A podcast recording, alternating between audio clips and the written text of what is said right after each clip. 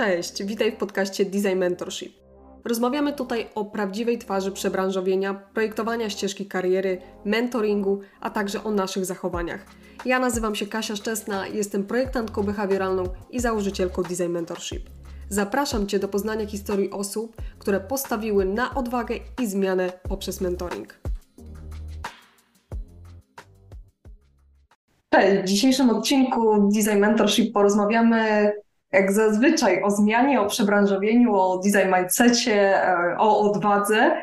I tak jak powiedziałam, porozmawiamy. No ze mną jest Marta Michałków i Weronika Rochacka-Gagbiardi. Cześć dziewczyny.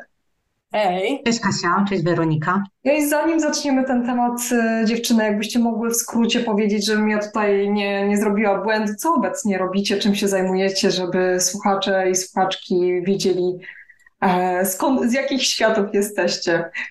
Marta, strzelaj. Marta pierwsza. Y, cześć wszystkim. Ja y, pracuję obecnie w Santander Bank Polska jako serwis designerka i pracuję głównie z zespołami, które tworzą i rozwijają bankowość internetową dla klientów korporacyjnych. E, moja rola polega tak w wielkim skrócie na wspieraniu zespołów w projektowaniu usług, produktów, procesów, w badaniach i generalnie w przejściu przez cały proces projektowy. No doskonale. Weronika, jak u Ciebie? Hej, ja e, razem z Magdą Kochanowską e, współstworzyłam taką agencję butikową, serwis designową Design Provision, Mm, I w ramach tej e, firmy e, współpracowałyśmy do tej pory z mm, różnymi organizacjami, głównie korporacjami, czy to właśnie instytucje finansowe, czy to firmy ubezpieczeniowe, ale również zdarza nam się realizować projekty z organizacjami na przykład sektora publicznego albo z NGO-sami, E, czy na przykład małymi czy średnimi firmami e, komercyjnymi. Także staramy się jakby tutaj dosyć e, na wskroś działać. Ja sama mam w tej chwili myślę, że około 15 lat doświadczenia jeśli chodzi o działania związane z design thinking i z service designem. No, konkretnie. Ja tylko nadmienię, że Weronika jest drugi raz u nas, więc y, też mamy podcast z Weroniką i z Magdą o Design Mindset Detector, ale myślę, że to o tym wypłynie gdzieś w środku e, całej rozmowy. A chciałabym, żebyśmy, tak jak powiedziałam na wstępie, żeby porozmawiać o tym, co najczęściej u nas się przewija i to, co jest najbardziej e, autentyczne u nas, bo Marta, Weronika, to najważniejsze jest dla mnie to, bo robicie mega rzeczy od nastu lat, to, że byłyście w programie i w roli mentorki Weronika i menti Marta i, I, chciałabym tutaj nie tylko o mentoringu, ale porozmawiać o tym, co się działo w tym e, całej ścieżce, bo z tego, co ja widzę, ludzie potrzebują też takich historii, żeby dowiedzieć się e, takiego z prawdziwego zdarzenia, co się działo, że to nie jest do końca taka droga usłana różami, e, ale myślę, że i tak było bardzo dobrze, jak sobie wspominam, ale chciałabym, żebyśmy we, we dwie, we trzy wróciły do, do tej całej historii. I zaczynając od takiego totalnego początku, bo ta zmiana mia- musiała mieć swój początek, więc Marta, chciałabym zacząć od tego, w którym momencie zdecydowałaś się, czy to wyszło jakoś organicznie, że będziesz iść w kierunku, powiem, że szeroko, szeroko o designie, nie? Bo jak, jak to się zaczęło? Jaki był początek tego wszystkiego? Początek. Tak, Kasia, bo to był, e, tak, próbuję sięgnąć pamięcią, bo to faktycznie był cały taki proces, bo to takie rzeczy, gdzie człowiek um, dochodzi do takiego momentu, gdzie mówi sobie, tak, potrzebuję zmiany, to nigdy to nie jest takie, nagle w jednym dniu siedzę i stwierdzam, że ja, to, że ja czegoś potrzebuję, że ja muszę coś zmienić, tylko wiadomo, że to jest proces. Um, ja przez wiele lat pracowałam w banku, w zespole, który był odpowiedzialny za jeden z produktów kredytowych. E, I to była taka naprawdę kompleksowa odpowiedzialność za produkt, począwszy od tworzenia strategii, przez tworzenie koncepcji produktów, w ogóle wdrażanie produktów, później całe zarządzanie portfelem, odpowiedzialność za wynik finansowy tego produktu i e, jakby moja rola też była w dużej mierze skupiona tak blisko klienta, bo i na komunikacji, badaniach, e, jakichś działaniach edukacyjnych, ale też przeszliśmy jako zespół przez mm, mnóstwo takich właśnie projektów związanych w ogóle z produktem i e, były też takie projekty, w które ja się angażowałam z różnymi organizacjami e, zewnętrznymi, między innymi właśnie z jednym takim projektem dużym, edukacyjnym i on był prowadzony metodą design thinking, i pamiętam, że to było dla mnie takie odkrywcze, ale w takim sensie, mm, że my dużo w trakcie tego projektu rozmawialiśmy o, o tym początku, o tym momencie eksploracji, o odkrywaniu, o tym, że zanim my pójdziemy krok dalej, to my musimy tak naprawdę y, znaleźć e, tą główną potrzebę i problem. E, I dużo też o tym mówiliśmy, że my tak naprawdę nie wiadomo, gdzie skończymy, jaki będzie finał tego projektu. I naprawdę wtedy sobie pomyślałam, faktycznie to jest my. Um, przechodziliśmy przez mnóstwo projektów, ale takie podejście było czymś takim e, dla mnie, że my to sobie głośno powiedzieliśmy. To było takie, no tak jak mówię, takie odkrywcze. I później mm, ja też e, poszłam na kurs moderatora design thinking i w pracy dużo projektów się działo, ale też było dużo takich zmian organizacyjnych i ja w pewnym momencie doszłam do takiego momentu, kiedy poczułam, że ja potrzebuję zmiany, że to miejsce, w którym ja już jestem, nie jest tak jakby dla mnie wystarczające, że potrzebuję jakiejś nowej ścieżki rozwoju, ale brakowało mi takiego wsparcia, E, przewodnika być może to można tak nazwać, który by mi pomógł znaleźć tę ścieżkę rozwoju. Ja po prostu miałam takie poczucie, że się kręcę w kółko. E, no i wtedy pojawił się Design Mentorship. Ale też Marta, to nie było tak fajnie, że to podkreśliłaś, że nie było tak, że siadłaś pewnego wieczoru, wzięłaś herbatę i powiedziałaś, no to wchodzimy w zmianę, nie? To, to jedna rzecz. Nie, nie. To są małe elementy, małe kroczki, małe rzeczy, które się na to nakładają. A druga rzecz, że nie miałaś chyba takiego dokładnego kierunku, nie? że to ma być, nie wiem, serwis design. Chyba na tamten moment, czy, czy miałaś, czy, czy jeszcze nie wiedziałaś w tamtym momencie? W tamtym momencie jeszcze nie. E, ja bardziej po prostu czułam, że e, ten kierunek, który jest związany w ogóle szeroko, mówiąc z designem, z design thinking i tak dalej, to jest coś, w czym ja czułam się dobrze ale żebym umiała tak określić dokładnie, w jakim kierunku chciałabym się rozwijać, nie, na ten, na ten moment wtedy nie wiedziałam. E, no ale tak jak mówię, z pomocą przyszedł Design Mentorship i wszystko stało się prostsze. No ja oczywiście pamiętam naszą rozmowę, tym bardziej offline'ową, jeszcze we Wrocławiu, więc y, tym bardziej gdzieś tutaj się czułam o wiele, wiadomo, większe zaangażowanie, jak się jeszcze widzimy. E, gdzie zauważyłam też no, ogromny potencjał, Marta, tego, co robisz. Zresztą to już myślę, że e, słuchając Ciebie, co robiłaś naście lat w poprzedniej pracy, to myślę, że można już wyciągać rzeczy, które po prostu w designie są e, rzeczami, które po prostu robimy na, na co dzień, więc no dobrze, po, pojawił się Design Mentorship, ale pojawiła się też Weronika, więc yy, oczywiście Twoje zgłoszenie do nas y, wpadło. I pamiętam po tej rozmowie gdzieś, no oczywiście y, zaczął działać nasz matching. Yy, stwierdziłam, że Weronika myślę, że będzie dobrą osobą dla Ciebie. Ja jestem ciekawa, Weronika, jak ty podeszłaś do zgłoszenia Marty, co w nim zauważyłaś? E, Właśnie, może tutaj powinnam postawić znak zapytania. Co, co w tym zgłoszeniu zauważyłeś, że jednak stwierdziłaś, że tak, podejmiesz się tej współpracy mentoringowej? No ja, ja mm, jakby czułam, że to jest taka inspiru, no właśnie taki inspirujący potencjał tego, co powiedziałaś Kasia, że Marta, ty masz po prostu bardzo duże doświadczenie, tak jakby wcześniej w takiej działce, powiedzmy nazwę to szeroko marketingowej, bardzo też szerokie doświadczenie biznesowe, jakby dobre zrozumienie tego, jak organizacja taka jak bank funkcjonuje. I Marta, postawiłaś sobie właśnie też ten cel, że, że chcesz tutaj dokonać tej zmiany w kierunku service designu. I ja wychodzę też z takiego przekonania, że mm, osoby właśnie o takim profilu jak Marta, czyli właśnie profesjonalistki, profesjonaliści, którzy często mają właśnie kilka, kilkanaście lat doświadczenia, być może właśnie w takiej branży powiedzmy obok, ale no też wiadomo, to jest pokrewne, tak? Marketing, service design to są też e, obszary, które gdzieś tam trochę też zahaczają o siebie. E, no, że, że, że tutaj myślę, że to jest bardzo taki duży potencjał i jakby mi też ogromną przyjemność sprawiały rozmowy z Martą. E, od pierwszej rozmowy aż po jakby naszą finalną rozmowę w ramach mentoringu, a potem kolejne spotkania, które gdzieś miałyśmy okazję robić tak po prostu przy okazji, przy kawie, czy online, czy offline.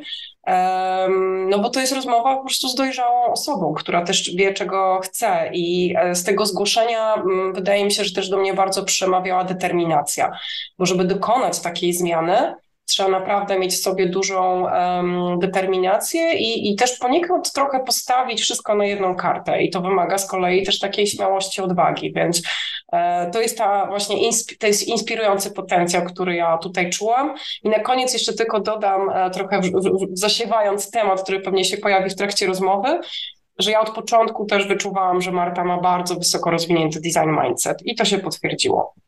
No i super, i pociągnijmy to dalej, bo właśnie mówimy o doświadczeniu biznesowym, takim zawodowym, życiowym, bo też Marta, y, tak powiem y, kolokwialnie, nie byłaś postawiona y, do muru, jeśli dobrze się wyrażę, że to nie była sytuacja taka, że żyć albo nie być, tak? To jednak poczułaś, że chcesz to zrobić i też pamiętam właśnie Twoje podejście, motywację, organizację całego środowiska dnia i rodziny. I, I, właśnie do tego jeszcze dochodzi ten, e, to podejście, ten design mindset. To dziewczyny, jakbyście mogły o tym powiedzieć, bo e, też ten test wkradł się w wasz, wkradł.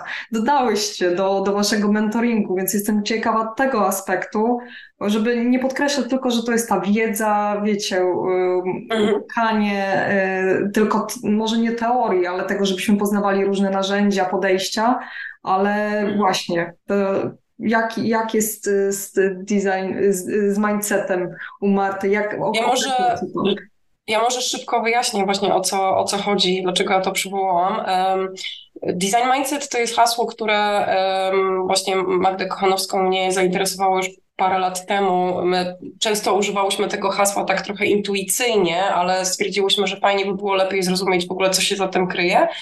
E, z tego wyrósł taki mini projekt badawczy nasz wewnętrzny, który z kolei doprowadził do powstania narzędzia psychometrycznego Design Mindset Detector, e, które teraz jest też e, jakby częścią programu Design Mentorship, z którego bardzo się cieszymy.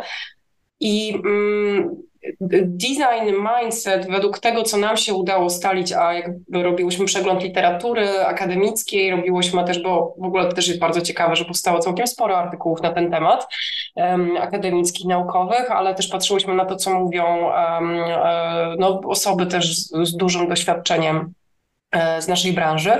E, nam z tego wyszły takie cztery główne obszary i dziewięć predyspozycji. Może nie będę teraz wchodzić jakby w szczegóły, ale chciałam o tych obszarach powiedzieć, bo właśnie te obszary zaczynają się od takiej otwartości w ogóle na wszystko, co się gdzieś tam dzieje dookoła i takiej też chęci trochę wyjścia poza własną perspektywę ciekawości, która jest troszkę taką, powiedzmy, kolejnym krokiem e, do, do, do tego właśnie, co, co możemy jakby z tą otwartością zrobić i, i właśnie jak to nas napędza.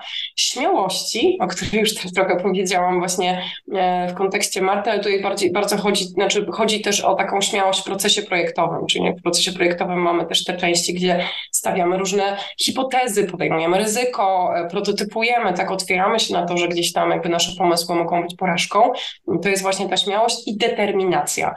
E, I właśnie te cztery obszary tutaj są bazą, wokół tego jest dziewięć predyspozycji i mm, to jest ciężko wyjaśnić, tak mam wrażenie, zero-jedynkowo, ale ja, ja na przykład rozmawiając z różnymi osobami, dosyć szybko jestem w stanie wyczuć, powiem tak, bo to jest też takie intuicyjne, czy dana osoba ma właśnie taki e, design mindset rozwinięty, czy nie. I u Marty miałam tak, taki, taki, takie poczucie, że wow, w ogóle super.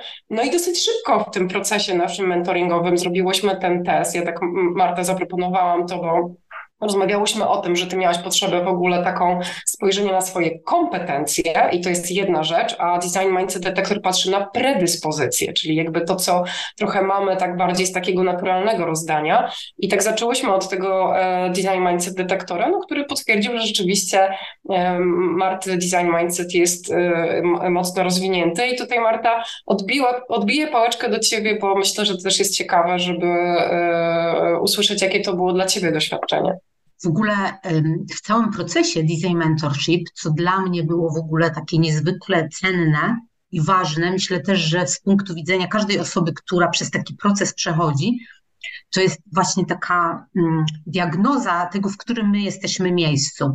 Czyli e, ty też, Kasia, o tym ostatnio na LinkedInie wspominałaś, o takim audycie kompetencji i to zrozumienie, w którym my dziś jesteśmy miejscu, pozwala nam też wytyczyć drogę do tego naszego celu. I to jest niezwykle ważne.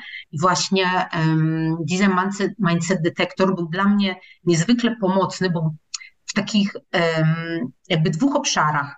Jeden to był taki, który pozwalał zrozumieć i zdefiniować w ogóle te obszary, które są ważne w świecie designu, a drugi to taka diagnoza tego, gdzie my dzisiaj jesteśmy, e, i to dodam jeszcze tą trzecią rzecz, to jest to, że on nie tylko diagnozuje, ale też wskazuje kierunki. Nawet jeżeli my jesteśmy jakby na tym etapie e, rozwoju danej predyspozycji na bardzo wysokim poziomie, to on też jednak wskazuje, że to nie jest koniec, że e, tak naprawdę my się dalej możemy w tym obszarze rozwijać.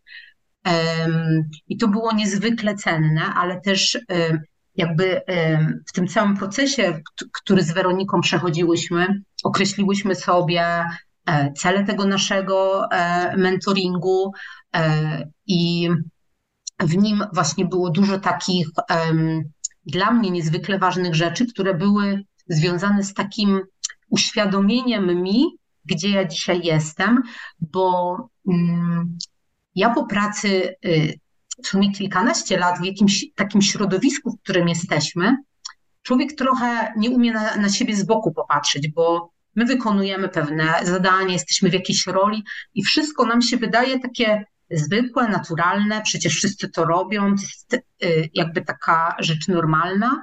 I nagle jak ktoś na ciebie tak popatrzy z boku i ci powie, że pewne rzeczy, które ty wiesz, umiesz, twoja wiedza, doświadczenie są jednak czymś takim e, wyróżniającym się i to takie uświadomienie w pełni z jednej strony właśnie tej wiedzy, doświadczenia, ale też tak jak Weronika mówi, takich predyspozycji, czyli czegoś takiego, co mm, oczywiście można rozwijać, ale też są naturalną jakąś taką rzeczą. I jeszcze do tego doszły warsztaty z Galupa. To, to wszystko stworzyło taką całość, gdzie ja naprawdę w tym się tak poczułam dobrze. I jeśli mogę jeszcze wspomnieć o jednej rzeczy, to nie pamiętam takiego dokładnego momentu, ale w trakcie tego mentoringu z Weroniką ja nagle poczułam taki stan takiego momentu aha, poczułam, że jakby ta cała moja droga, którą ja przeszłam przez tyle lat, to co ja robiłam, w jakim ja się kierunku rozwijam, do czego czasami być może nawet nieświadomie dążyłam i pewne rzeczy jakby robiłam, to cała ta po prostu moja droga doprowadziła mnie do miejsca, w którym ja się poczułam po prostu dobrze. I to był taki stan w trakcie tego mentoringu, naprawdę dla mnie niesamowity, kiedy ja poczułam, że naprawdę jestem w doskonałym miejscu i jestem tu, gdzie teraz czuję się po prostu dobrze. I jakby ten proces zmiany, kiedy ja startowałam od tego momentu, jak mówiłam, że ja się kręciłam w kółko i nie wiedziałam, gdzie pójść, do tego momentu, kiedy ja się wreszcie poczułam naprawdę dobrze, to yy, naprawdę było fantastyczne. Ja chyba jeszcze muszę tu nadmienić i tak wracam myślami do startu tego wszystkiego, jak się spotkałyśmy, bo i jeszcze tutaj zahaczyłyśmy o e, parę spotkań współpracy z e, mentorem, z Michałem Budkiewiczem. Tak. I jeśli ja tego nie powiedziałam w podcaście, to na pewno mówię na warsztatach swoich. No jak pamię pamiętam jak dziś, jak Michał do mnie zadzwonił i powiedział, Kaśka, ona wszystko ma, trzeba, trzeba to dobrze poukładać. Więc to, to też dla mnie to było takie odkrycie roku, Marta, twoja cała sytuacja i to, co że mówisz o kompetencjach, gdzie inteligentna, fajna osoba, która siedzi kilkanaście lat w, w pracy, mówi mi, że doznała momentu aha, y, świadomości swoich y, kompetencji. Mówię, jak taka osoba może być nieświadoma tego, co ona robi? I to też jest fajny element tej całej układanki, że o tym mówisz, że to jest potrzebne. Z mojej perspektywy dla mnie, ja uważam, że to jest taki aksjomat. A nagle wychodzi i jak zaczęłyśmy o tym rozmawiać, a ja zaczęłam dopytywać inne osoby, to faktycznie tak jest, że nie wiemy z jakiego punktu startujemy. Więc y, bardzo się cieszę, że to wszystko tak i nabrało tempa, ale też takiej świadomości własnego zadowolenia, bo, bo, też trzeba o tym powiedzieć, żebyśmy się, raz, że kręcimy się w kółko i się męczymy, ale myślę, że to zadowolenie też tutaj wzrosło. Ale powiedzcie mi, dobra, bo ja tu już nakręcam zadowolenie, ale chcę powiedzieć, y, zapytać Was o takich elementach właśnie ciężkich w trakcie całego to, tego procesu z waszych, z dwóch stron, ze strony mentee i, i mentorki. Y, jak widziałyście ten proces mentoringowy? Bo on był też dosyć długi. Tu mieliśmy 10-15 spotkań i może się wydawać, że to jest błahe, jak mamy szkolenia po 80 godzin czy ileś, ale takie spotkania mentoringowe, one naprawdę wysysają y, dużo energii, może satysfakcja jest wysoka, ale jednak one Mm, kosztują nas dużo pracy. Jak, jak ocena, oceniacie ten proces? Może coś się wydarzyło w trakcie mentoringu, co było naprawdę takim cięższym doświadczeniem? Cięższym to nie wiem, bo e, cały mentoring z Weroniką był po prostu fascynującą przygodą i naprawdę bez kokieterii żadnej tutaj, ale e, jakby ta moja droga, faktycznie jak ja sobie pomyślę, to ona trwała e, z pół roku od tego takiego pierwszego naszego spotkania i takiego w sumie pierwszego tego mentoringu też i e, z Michałem Budkiewiczem, z Ewą Kirsz i z Tobą Kasia, to do momentu, kiedy w lipcu gdzieś kończyłyśmy nasze ostatnie spotkania z Weroniką, to w sumie było pół roku i wydaje mi się, że bez naprawdę takiej dużej motywacji i takiej ogromnej chęci zmiany i zaangażowania, to by się chyba nie udało. Ja miałam w sobie po prostu ogromną chęć zmiany i to mi na pewno pomogło, ale co było jakby trudne, chociaż jakby to, to jest taka trudność, z którą wydaje mi się, że jeżeli sobie wszystko poukładamy, to jesteśmy sobie w stanie poradzić. Ona wymaga oczywiście naszej ogromnego zaangażowania. Natomiast ten mentoring to były spotkania z Weroniką, E, to były przecież spotkania w ramach projektu, to były spotkania z ekspertami, to były nasze Creative Hours, ale poza tym, że te spotkania się odbywały, to mm, ponadto była też taka praca poza tym wszystkim, więc tak naprawdę to był taki drugi etat że po pracy ja się dałam i czasami naprawdę kończyłam e, późno. Jakby myślę, że takim ogromnym znaczeniem w całym tym procesie było też niezwykłe wsparcie rodziny mojego męża, no bo e, ja czułam, że po prostu jest ktoś, kto mnie wspiera i ja się nie muszę zastanawiać, czy ja dzisiaj mogę iść na jakieś spotkanie, e, tylko to wsparcie było stuprocentowe. Natomiast jeszcze taką rzeczą, która była mm, i trudna i ważna, to wydaje mi się, że właśnie to jest to, o czym już mówiliśmy, żebyśmy my sobie umieli postawić cel, do którego dążymy, żebyśmy sobie umieli powiedzieć, w którym my dzisiaj jesteśmy miejscu i um, ustalić tą drogę, jaką trzeba przejść, bo tak naprawdę z takimi rzeczami, e, które są związane z czasem, chyba jest nam łatwiej sobie poradzić, niż z takimi rzeczami, żebyśmy się tak w sumie zdiagnozowali i ustalili e, tą, ten nasz cel i to dojście do celu. Tak wydaje mi się, że to jest takie połączenie rzeczy trudnej i chyba najważniejszej w tym całym procesie. Tak, ja bardzo podobnie to, co Marta powiedziała, bo e, rzeczywiście obserwowanie e, jej wysiłku, no bo jednak to rzeczywiście jakby ca cały ten proces to dla ciebie był ten drugi etat, No ja nie ukrywam, że dla mnie i to też na przykład był powód, dla którego nie wziąłem udziału we wszystkich edycjach e, mentoringu, że przy prowadzeniu, e, znaczy współprowadzeniu firmy, robieniu projektów i tak dalej, e, mentoring po godzinach, bo jednak jakby dla nas obu to była dobra opcja, żeby się spotykać po godzinach pracy, jest wyzwaniem, nie ukrywam. I wiecie, jakby to, żeby utrzymać uwagę, skupienie, jeszcze właśnie jakieś zaciekawienie wzajemne, to jest na pewno wyzwanie. Natomiast mam takie poczucie i, i też mówię to bez kokieterii, że po prostu my Martą złapałyśmy flow i ja, ja bardzo wyczekiwałam do tych spotkań. I nawet sobie teraz w trakcie tego, jak rozmawiamy, otworzyłam zgrałam sobie materiały mm, nasze z, z jakichś tam pierwszych spotkań. E, no i właśnie patrzę na, na ustalone cele i tutaj my sobie to zapisałyśmy właśnie, że tym celem była zmiana pracy i pójście w kierunku serwis designu i to się udało osiągnąć. To tak myślę, że daje jakby mm, ogromną satysfakcję. Natomiast no to, o czym Marta powiedziała, mam wrażenie, że jest wyzwaniem takim, z którym się mierzymy w tej chwili w ogóle jako, wiecie, wszyscy profesjonaliści, czy jesteśmy w fazie zmiany, czy nie, ale jakby po prostu ogromu rzeczy, które przetwarzamy każdego dnia, ogromu właśnie pracy, spotkań um, online, offline.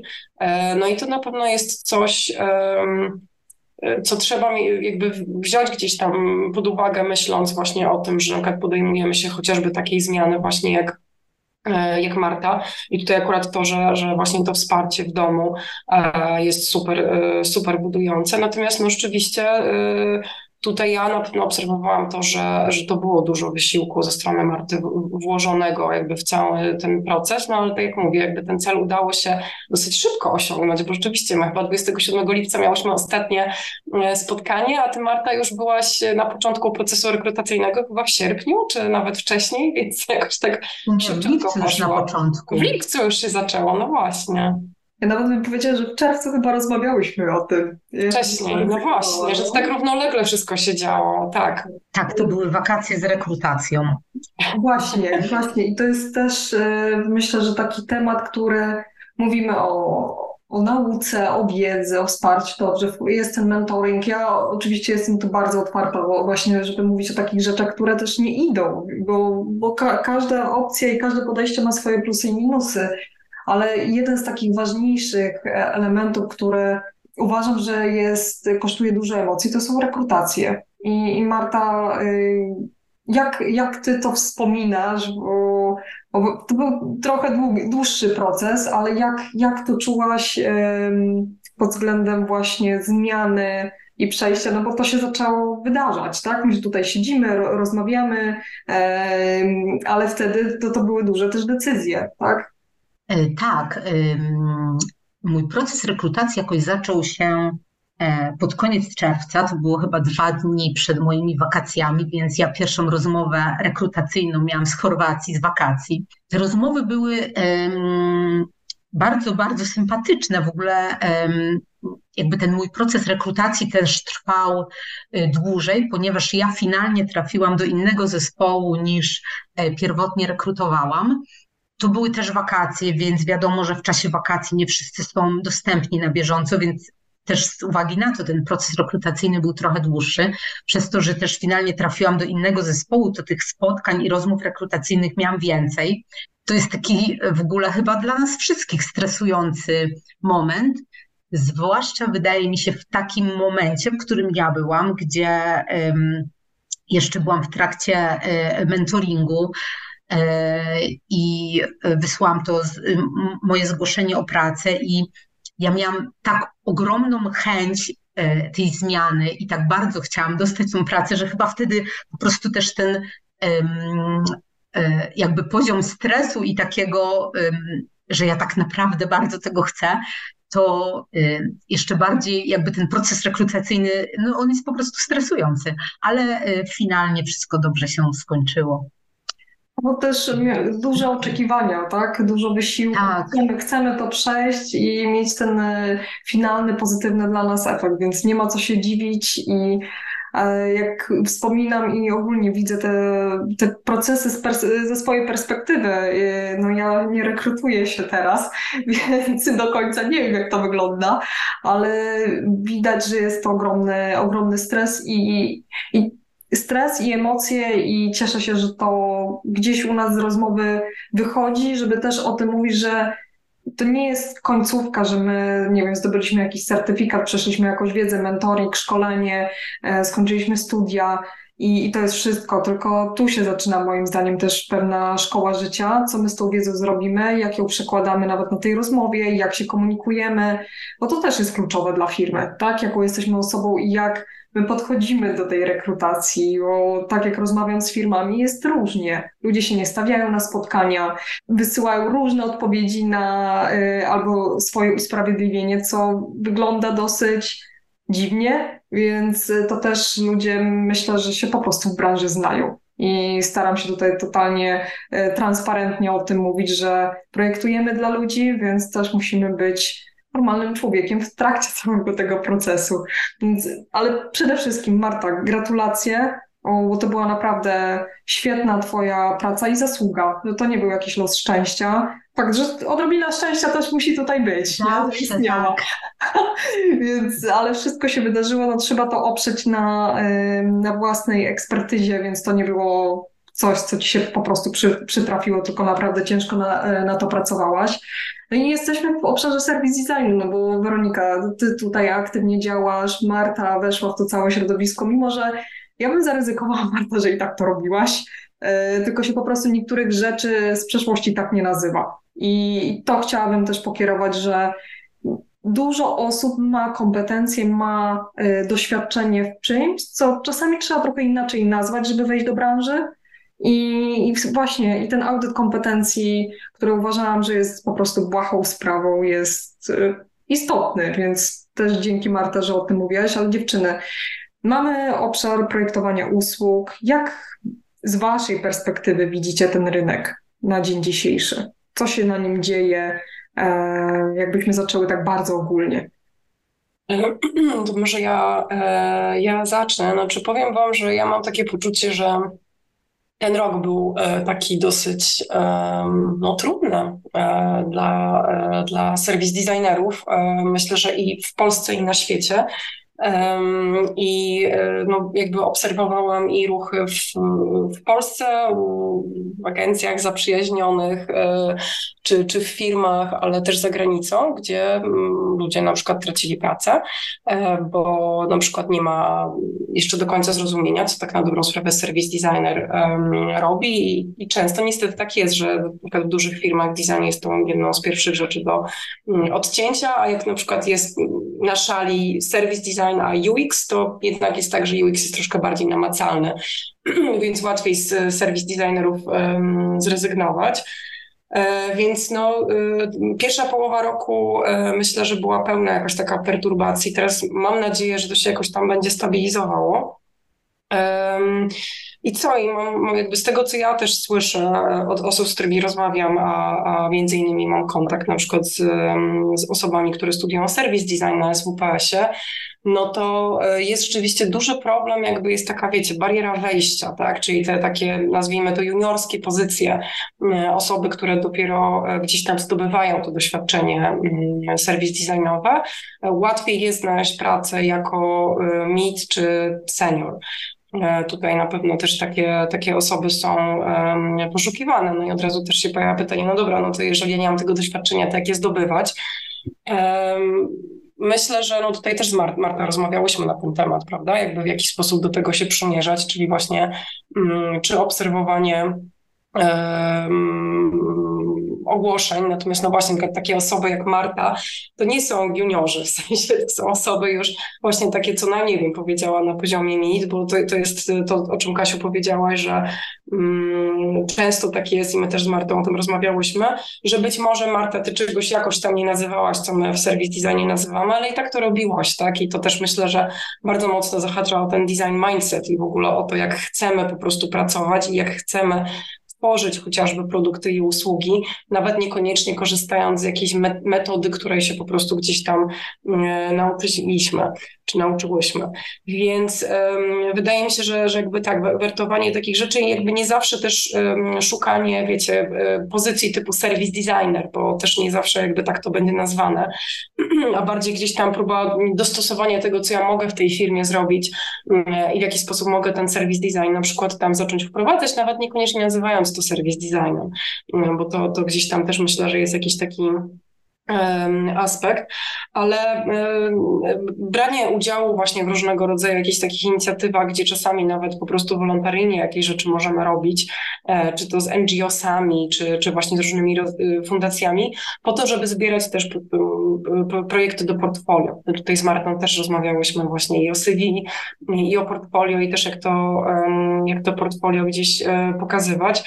Więc myślę, że jakby znowu dla mnie na przykład i też jak przypominam sobie procesy rekrutacyjne, które prowadziłam w naszej firmie, mniej liczą się same kompetencje, a bardziej zdecydowanie liczy się mindset, bo jakby to jest dla mnie podstawa, wiecie, to jest tak jakbyśmy miały tę piramidę, to po prostu mindset to jest podstawa i po prostu na tym układamy te kolejne klocki, które gdzieś tam składają się na konkretne kompetencje, no bo kompetencje można wyćwiczyć, tak, tego się można nauczyć. E, natomiast właśnie te predyspozycje, jakby ten sposób myślenia, zachowania, to są takie rzeczy, które, no, które trochę się ma bardziej rozwinięte albo, albo mniej. Tak jak Marta powiedziałaś, oczywiście te predyspozycje można rozwijać, natomiast no, też jeżeli ma się tę dwójkę kandydatów e, czy trójkę i, i właśnie jakby można to gdzieś E, zaobserwować, gdzie jakby ten potencjał taki z mojej perspektywy design mindsetowy jest większy, to ja na przykład zdecydowanie też idę e, bardziej w tym kierunku. Także trochę tutaj zahaczyłam o, o różne aspekty. Jestem ciekawa też właśnie jak Marta, mm, ty to teraz komentujesz, no jednak mając już e, doświadczenie jako serwis designerka w banku i też obserwując to właśnie też z takiej perspektywy i pewnie rozmawiając z ludźmi. Jest dużo takich aspektów, które tutaj Monika, e, Boże, Weronika zahaczyła. E, I wydaje mi się, że po prostu jeden e, to jest to, że my w internecie i jakby mm, książka, którą możemy nabyć, przeczytać, jest cała masa wiedzy. Natomiast tej wiedzy, tą wiedzę wtedy trzeba przełożyć po prostu na tą praktykę, bo sama jakby wiedza bez tego, że my będziemy ją używać w praktyce, to ona tak naprawdę będzie, ale no, y, może nie, że bezużyteczna, ale bez używania, no to nie pójdziemy krok dalej. I ja zawsze do tego, do tego zachęcam, to też Weronika mówiła, żeby po prostu e, też czasami, jeżeli nie mamy możliwości jakby znalezienia pracy w, danej, w danym kierunku, na, w danej roli, to żeby po prostu próbować robić e, to poprzez zaangażowanie w różne projekty. Ja też się tak angażowałam w różne projekty, gdzie zdobywałam wiedzę i doświadczenie i to później procentuje po prostu w przyszłości. Tak, patrząc ogólnie po e, rynku serwis designu i to, jak w ogóle my podchodzimy do tematu projektowania produktów, usług, to widać na rynku, że my mamy taki po prostu naturalny chyba pęd do tworzenia od razu rozwiązań, a nie zatrzymujemy się na takim etapie, gdzie y, jest ta faza eksploracji i odkrywania gdzie tak naprawdę my dopiero poznajemy tą, e, te potrzeby i problemy. I to też jest to, co ja mówiłam na początku, że było dla mnie takie odkrywcze w tym projekcie e, edukacyjnym, w którym brałam udział, że my taką bardzo du dużą ilość czasu poświęciliśmy właśnie na tą fazę eksploracji i to pozwoliło nam tak naprawdę zrozumieć, co i po co my musimy zrobić. A bardzo często e, jakby właśnie przez to, przez ten pęd do rozwiązań, my pomijamy tą część, która jest tak naprawdę inwestycją w ten nasz e, proces projektowy. I wydaje mi się, że to jest też powiązane z tym, że często w firmach być może nie zauważa się jakby wagi tego procesu projektowego, jak ten proces projektowy tak naprawdę w całości dopiero ma znaczenie, że my nie możemy go rozpoczynać od, od środka gdzieś, tylko tak naprawdę musimy go przejść po prostu od początku do końca, żeby on miał znaczenie i żeby miał sens, ale bardzo często, jeżeli my tak zaczynamy od środka, to później nagle znajdujemy się w takim miejscu, że stwierdzamy, że coś poszło nie tak i my musimy robić nawrotki. I tak naprawdę one byłyby niepotrzebne, gdybyśmy my tą pracę wykonali tak po prostu od A do Z, e, jak to powinno być w procesie projektowym.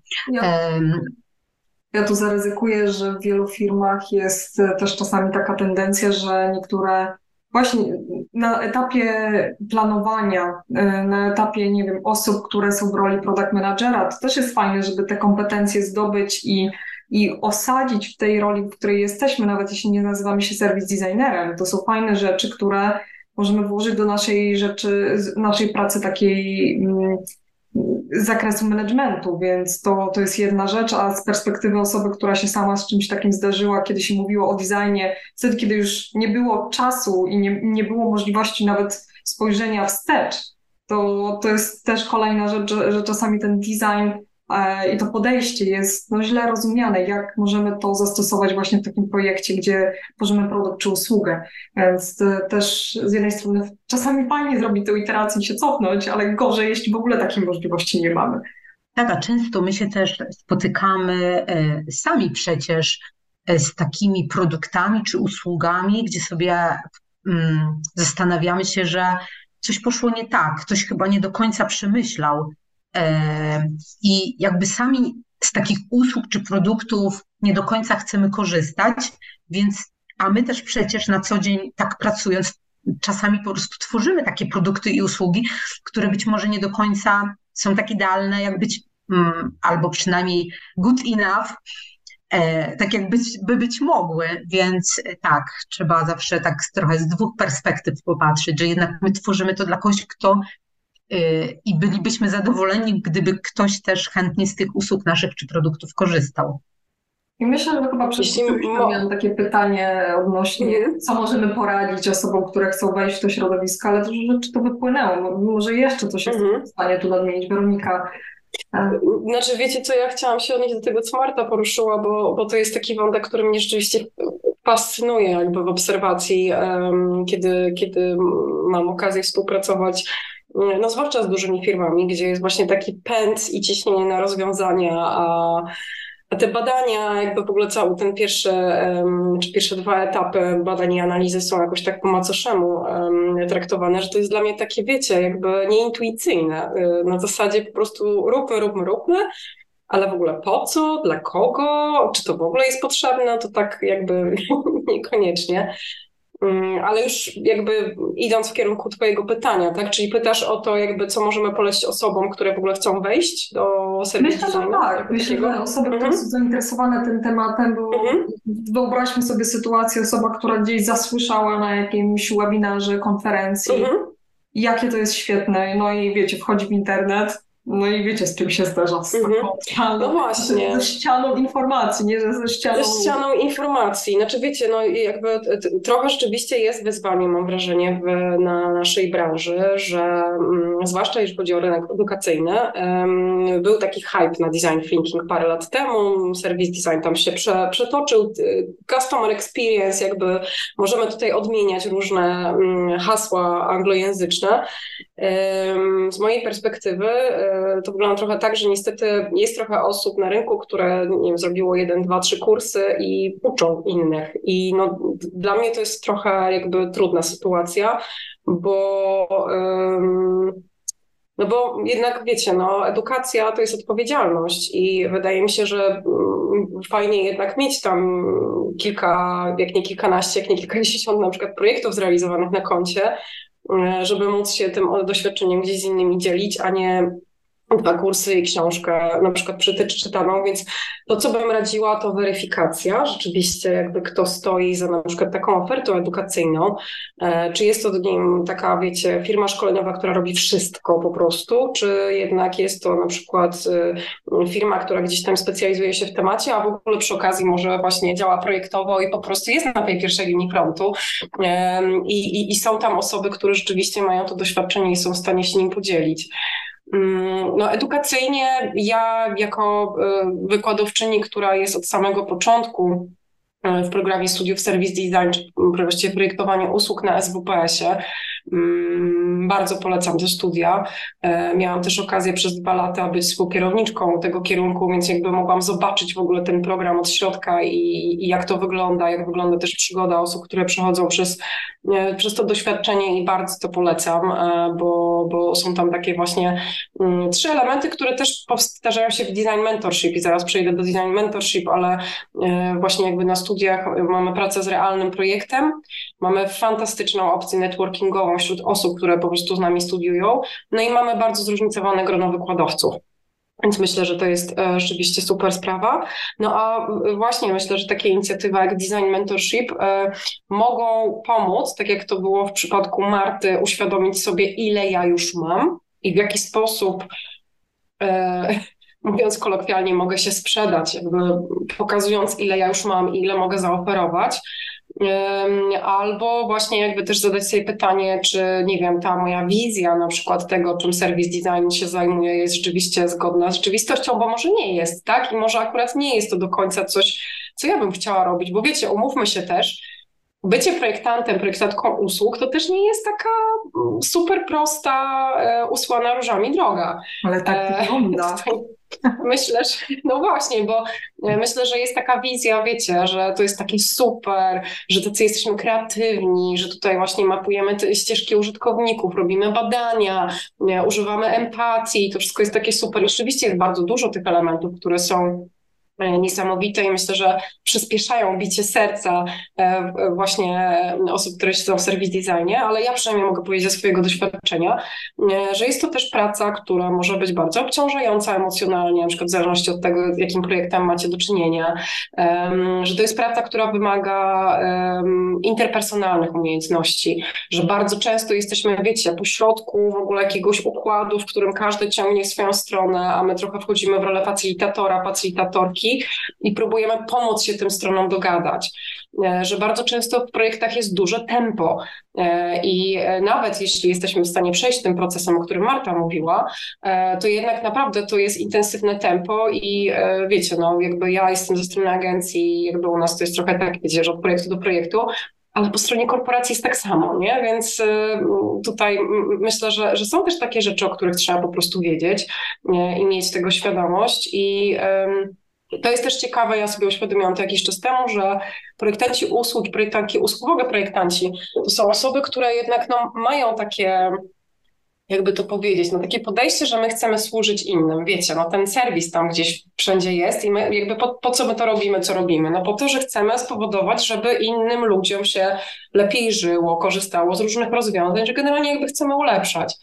E, natomiast no tutaj czasami łatwo się gdzieś tam zapętlić w tym dążeniu do właśnie takiego ułatwiania e, innym życia i, e, jakby ja mam takie doświadczenie teraz, że po prostu też trzeba gdzieś zadbać o siebie w tym wszystkim i jakby też dbać o to właśnie w jakich, nie wiem, ramach wykonujemy pracę, bo jest to praca po prostu bardzo intensywna, bardzo wiecie, jakby intelektualna, trzeba dużo informacji przetwarzać, więc to jest na pewno taka porada też, którą mogę tutaj podrzucić w ogóle osobom, które, które praktykują serwis design, ale też po po prostu, że wiecie, no to nie, nie jest tak powiedziane, że każda osoba, która stworzy sobie wizję taką, że chce to robić, akurat y, uzna potem, że to jest dokładnie jakby to, co chce robić i, i to może być też bardzo dobre doświadczenie, żeby sobie to zweryfikować, albo połknąć tego bakcyla i po prostu, y, wiecie, wypłynąć na ten ocean serwis designowy. I go with the y, flow. Dokładnie i łapać ten wiatr w żagle, więc no, jest to fascynująca dziedzina, na pewno. I otwierająca, ale to też świetnie Weronika, że o tym mówi, że to nie jest jakaś taka książka, encyklopedia, słuchajcie, jak tak trochę, mi się to nie spina z edukacją, bo czasami siedzimy w czterech ścianach, a tu Weronika i zresztą Marta sama widzisz, ile jest spotkań różnych różne typy osobowości w zespołach, nie? że tu trzeba się dogadać i zazwyczaj też walczymy z trochę, czy powiem, z dezinformacją, z brakiem wystarczającej ilości informacji, bo firma po mhm. prostu, albo klient, albo firma, w której jesteśmy, po prostu albo nie wie, albo nad tym nie pracował, a my musimy podjąć decyzję, więc to też jest kolejna rzecz, którą e, ja się sama też uczyłam, ale widzę, że jest to obciążające dla osób, które mają wielką e, chęć zrobienia czegoś, a tu nie mogę uzyskać informacji, nie ma na coś czasu i trzeba działać no, dosyć intuicyjnie i ważyć to, co jest do zrobienia z tym. Czasami jest to zderzenie tego fajnego, naszego perfekcyjnego podejścia, które chcielibyśmy zastosować z tą rzeczywistością, tak żeby firma to mogła zrozumieć i, i przełożyć na praktykę, więc cieszę się, że też to wypływa, że to nie jest taka kraina mlekiem, młodem, mlekiem i miodem płynąca, e, i właśnie, jeśli ktoś złapie tego bakcyla i myślę, Marta, jak u Ciebie, jestem ciekawa, bo teraz mówimy z perspektywy już też czasu, bo ponad roku, e, tak, ponad roku, z półtora roku. Jak, jak widzisz z perspektywy czasu tą całą ścieżkę? Ja tylko nadmienię, bo sobie przypomniałam, Marta, że my na starcie rozmawiałyśmy o researchu. Więc to nie był, nie był taki, wiecie, idę w service design, tylko to też się później zrodziło e, ze wszelkich rozmów, więc e, no ale wracając Marta do ciebie, jak patrzysz z perspektywy czasu, gdzie wchodzisz dosyć nowy, nowy obszar, e, jak widzisz to, to teraz? To tak jak Weronika powiedziała i ty Kasia, to, mm, to nie jest takie proste i też pracuje się w trakcie z różnymi zespołami, jakby e, wejście i zrozumienie, e, z czym dany projekt się wiąże, e, to naprawdę wymaga dużo czasu i zaangażowania, i to nie jest tak, że ktoś jest taki nad wyraz mądry i przyjdzie i po pierwszym spotkaniu powie, że trzeba pójść w takim czy innym kierunku, tylko żeby. To jest też o tej odpowiedzialności, o której mówiła Weronika, żeby naprawdę móc mm, jakby kogoś wspierać w takim procesie projektowym, y, to tak naprawdę trzeba y, ten projekt, ten proces czy ten produkt, który my tworzymy, naprawdę dobrze zrozumieć, zastanowić się, po co my to robimy, dla kogo. I to nie jest takie proste, ale też, no wiadomo, że w tych zespołach projektowych są jakby, no też pracuje się z różnymi osobami i jest to, jest to taka praca e, wymagająca, natomiast no też dająca bardzo dużo, e, bardzo dużo satysfakcji, ale jeszcze tak Kasia wrócę do tego, co mówiłaś a propos tego researchu, bo faktycznie jak ja byłam w trakcie tej zmiany, to akurat też brałam udział w takim E, projekcie organizowanym przez Design Thinking Institute, który, e, którego celem było stworzenie takiego raportu dotyczącego kreatywnej pracy i tam występowałam w roli badacza. I to jest też to, o czym Weronika mówiła, że jak wiemy i potrzebujemy, że chcemy coś zmienić, to warto się angażować w różne takie projekty, e, one nie są związane z naszą pracą, to jest coś poza pracą, ale dają tak naprawdę ogromną taką po prostu wiedzę e, i kolejne doświadczenia. Ja też wtedy w pracy byłam e, w trakcie badań, które były związane z komunikacją nowego produktu, który wypuszczaliśmy na rynek, więc jakby ten temat badań był taki bardzo obecny wtedy w moim życiu i dlatego ja się wtedy tak zastanawiałam, nad tym kierunkiem e, researchu. Natomiast wydaje mi się, że po prostu e, service design e, jest taki, to jest bardzo szeroki temat, w sensie i dla mnie postrzeganie tego procesu całościowo od A do Z i branie udziału też w takim procesie tworzenia, które w tym procesie się odbywa, jest jednak bardzo taki inspirujący i ważny, chociaż myślę, że jeszcze tego nie wiem, ale chyba jednak ten taki etap odkrywania i eksploracji jest um, takim etapem, który mi sprawia chyba najwięcej radości i satysfakcji. Być może to też wynika z tego, że ja w ogóle z natury jestem bardzo taką ciekawą osobą y, różnych rzeczy i zadaję mnóstwo pytań i jakby to eksplorowanie i takiego dochodzenia do tych pojedynczych śrubek y, jest y, dla mnie takie po prostu niezwykle ciekawe. Ja myślę, Marta, że to byś mogła rozwijać na temat właśnie projektów, które realizowałaś.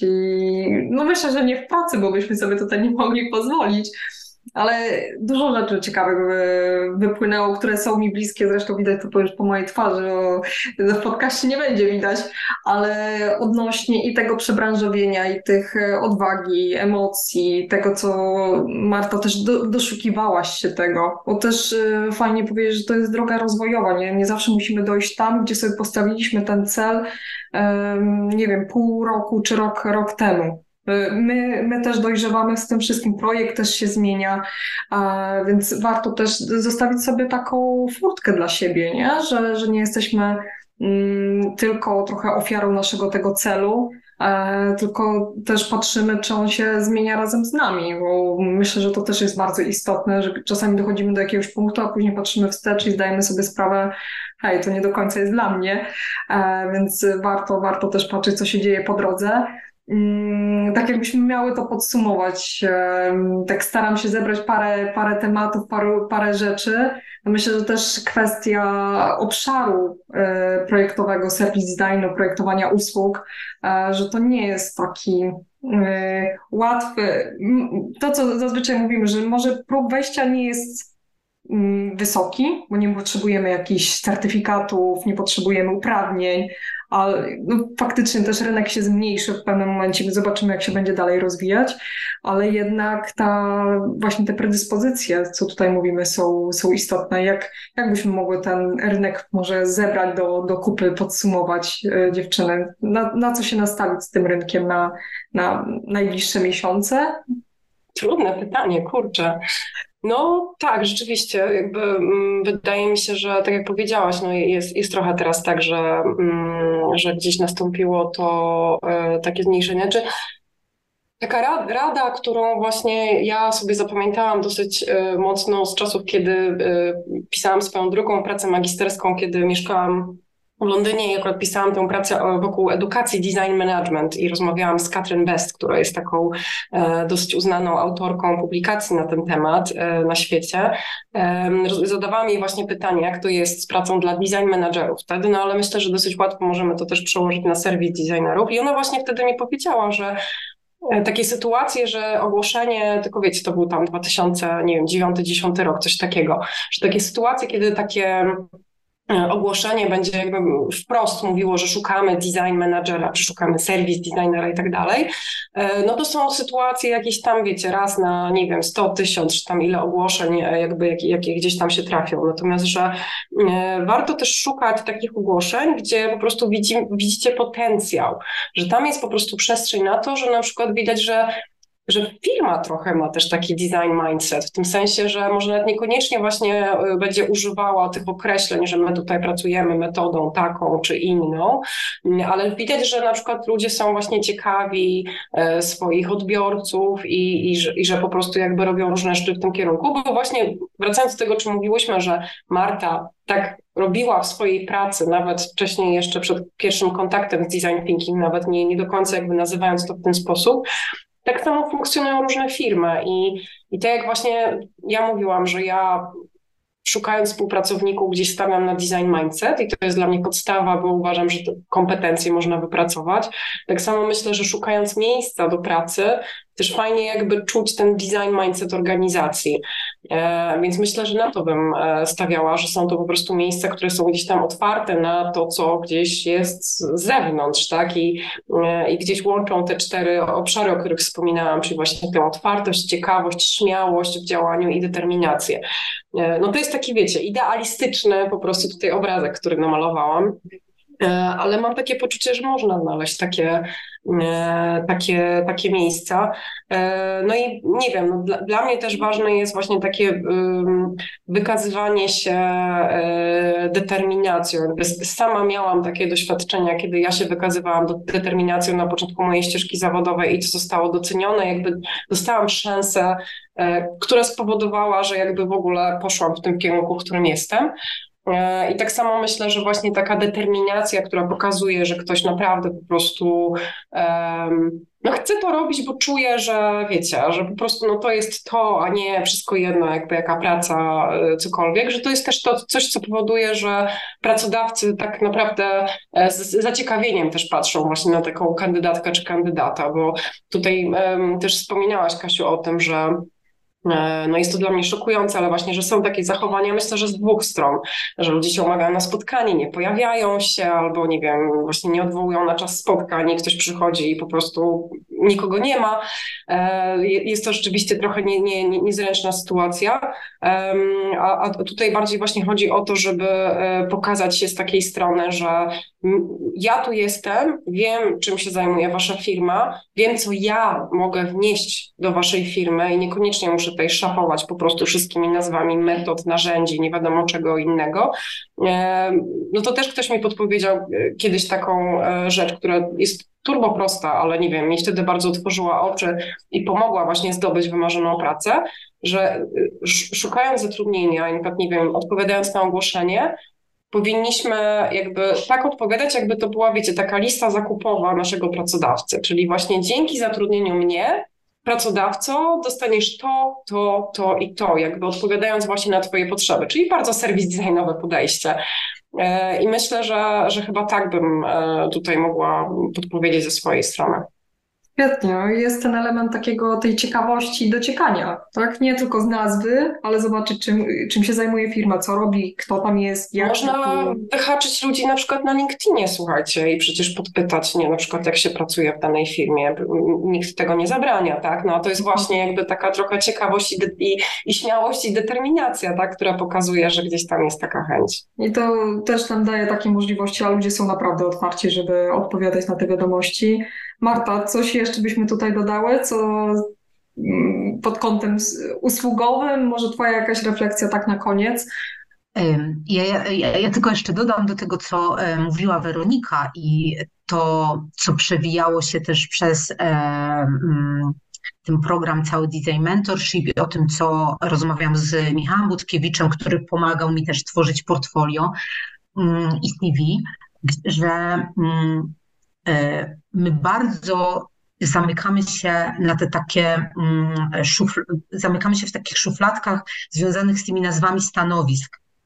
A bardzo ważne jest to, nazwa stanowiska to jest jakby jedno, bo w każdej firmie tak naprawdę ona co innego znaczy. I tak naprawdę powinniśmy my się skupić na tym, na naszych umiejętnościach, kompetencjach i tych predyspozycjach i to umieć pokazać, a jakby ta nazwa stanowiska to naprawdę jest totalnie jakby drugorzędna w ogóle rzecz, bo faktycznie, nie wiem, e, marketingowiec w jednej firmie może robić zupełnie co innego niż w innej firmie, więc tak myślę, że to na koniec, ale w ogóle jeszcze chciałam tak podsumowując w ogóle powiedzieć, że to w jakim momencie my się y, znajdujemy, oczywiście i każdy chcąc przejść jakąś zmianę czy się przebranżowić, to oczywiście w zależności od tego, w którym jest miejscu, to być może różnych rzeczy potrzebować.